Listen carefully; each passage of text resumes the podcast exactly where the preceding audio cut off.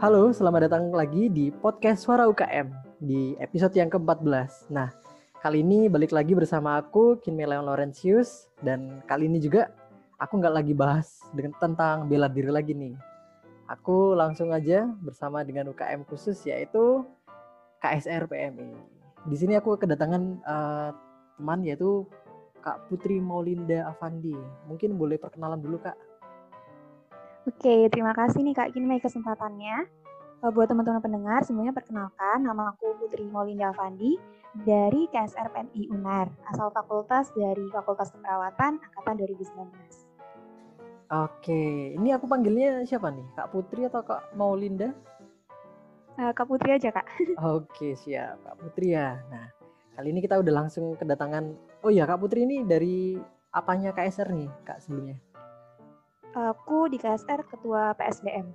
Oke, Ketua PSDM-nya. Nah, kita langsung kedatangan Ketua PSDM-nya dari KSR PM ini. Langsung aja deh kita masuk.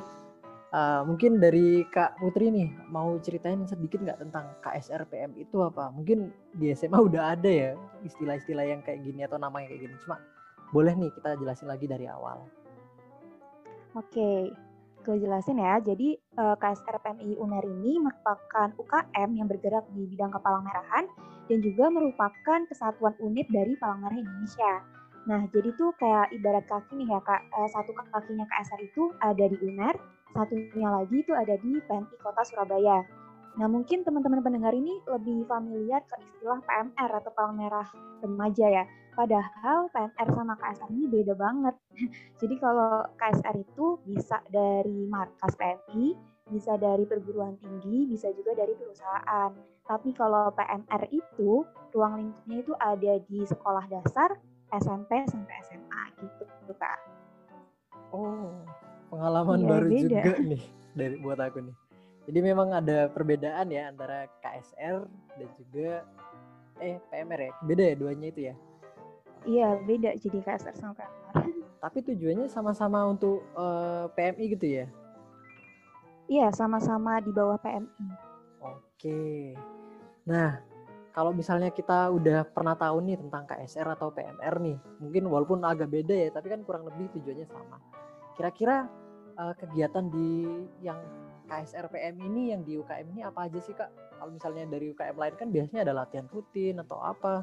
Kalau di KSR ini seperti apa? Oke, jadi kalau bisa dibagi tuh aku bagi jadi tiga ruang lingkup kegiatan ya kak. Ada eksternal UNER, ada internal UNER, ada juga internal UKM.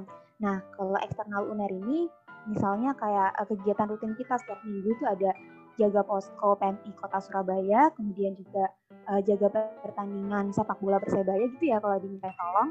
Kemudian uh, bisa juga jaga konser-konser nih kalau ada di Surabaya. Nah, saat pandemi gini nih Kak, kegiatannya tuh malah lebih bervariasi gitu ya. Pada waktu awal-awal COVID itu kita uh, sering banget melakukan penyemprotan desinfektan, kemudian dapur umum, membagikan makanan gitu ya ke masyarakat. Kemudian juga ada saat offline itu kita dimintai bantuan oleh kampus-kampus lain, kampus-kampus sebelah gitu buat cek kesehatan. Kemudian kita juga melakukan pelatihan-pelatihan dari PMI kota gitu Kak. Kemudian buat yang internal UNER itu kita sering dimintai tolong dari rektorat buat jaga upacara, buat jaga wisuda, jaga amerta gitu, PKKMB, kemudian pertandingan-pertandingan di GOR, kemudian ada donor darah. Nah, kalau internal UKM-nya sendiri itu lebih ke kegiatan perekatan sama pengembangan SDM ya kayak latihan rutin buat mereview materi-materi yang udah didapat di awal waktu kita di Klaksar. Kemudian ada juga quality time buat nge-refresh nih semangat-semangat dari anggota. Kemudian ada upgrading, ada piket sekre biar sekrenya itu lebih uh, bersih gitu ya. Kemudian ada kewirausahaan, ada sewa alat, ada juga pengayaan dan masih banyak lagi. Variasinya banyak banget sih kak. Gak bisa aku sebutin satu-satu. Wah, wah, wah, wah, banyak banget ya dari tiga tingkatan dan dalam satu tingkatannya juga padat banget. Berarti iya. Selama pandemi ini tetap rajin banget ya ngelakuin kegiatan ya Mas Ian. Iya, malah saat pandemi ini terutama yang di Surabaya nih teman-teman Surabaya ini malah biasanya jaga posko itu seminggu sekali, ini malah tiap hari dari pagi sampai pagi gitu. Karena emang uh, sangat sang apa ya antusias gitu. Oke oke. Mungkin uh, ini pertanyaannya bakal nyambung ke pertanyaan selanjutnya ya. Tapi sebelumnya Kak Putri ini asalnya dari mana nih Kak? Kalau boleh tahu. Aku dari Purbalingga, Jawa Tengah. Wah, Purbalingga Jawa Tengah. Aku kira di Surabaya. Tapi tetap jalan nggak kalau di Purbalingganya? Uh, kalau buat yang di luar Surabaya tetap jalan sih kayak online online gini kan ada latihan rutin tetap jalan. Kemudian pelatihan pelatihan kalau ada kita tetap ikut. Kayak kegiatan-kegiatan internal UKM itu masih tetap ikut. Mungkin yang nggak bisa diikuti ya kalau kegiatan dari markas itu yang offline. Wah, padahal aku pengen tanya yang itu tuh. Kelihatannya uh, seru banget tuh. Kira-kira kalau misalnya kita terjun ke lapangan tapi yang di tingkat uh, eksternal UNER itu kegiatannya ngap kalau di posko ya anggapnya kegiatannya itu ngapain aja sih? Oke, kalau di posko itu biasanya kita siap-siap gitu ya kak. Kalau misalnya ada kejadian-kejadian tidak terduga di Surabaya kayak misalnya uh, kecelakaan lalu lintas, kemudian kebakaran kayak gitu, kayak evakuasi jenazah gitu juga bisa. Oh, jadi di pos-pos itu selain biasanya ada polisi itu juga ada bagian dari PMI juga ya? Iya, biasanya ada kecelakaan itu kan uh, eh, PMI ada datang gitu. Dari polisi juga datang. Keren banget. Berarti anggapannya uh, eh, UKM ini juga salah satu yang apa ya, berjaga 24 jam ya? Aktif 24 jam Iya, ya? betul, Kak. Wow. Jadi ada tiga shift gitu. Keren, keren, keren. Ya mungkin uh, pertanyaan selanjutnya ini terkait yang tadi juga ya pengalaman dari Kak Putri apa sih yang paling berkesan gitu Kak? Soalnya kan banyak banget nih aku dengar tadi. Oke, kalau pengalaman bisa dibilang aku tuh bukan orang yang termasuk punya pengalaman banyak ya. Jadi kalau dari aku sendiri mungkin yang paling teringat itu saat di Klatsar ya karena itu emang awal uh, proses perjuangan perjalanan buat jadi anggota KSR. Mungkin kalau teman-temanku yang lain tuh lebih banyak kayak yang tadi aku sebutin itu jaga-jaga kayak gitu satgas-satgas ya, kayak gitu sih kak wow aku merasa itu suatu pelayanan masyarakat yang paling keren sih dari UKM ini. Bener nggak? Termasuk pelayanan masyarakat nggak? Iya termasuk banget karena emang kita terjun langsung di masyarakat gitu kak. Oh iya, iya. mantap banget. Jadi mungkin uh, bagi teman-teman maba yang dari SMA-nya dulu udah pernah mengikuti PMR Palang Merah Remaja dan mau meneruskan pengabdiannya nih ke masyarakat di UNER bisa banget. Salah satunya lewat UKM KSR PMI ya kak. Banyak banget tadi sampai nggak bisa disebutin satu-satu. Ada tiga tingkatannya. Dari eksternal UNER. Kalau offline biasanya kayak pan, apa nih? Jaga-jaga di konser.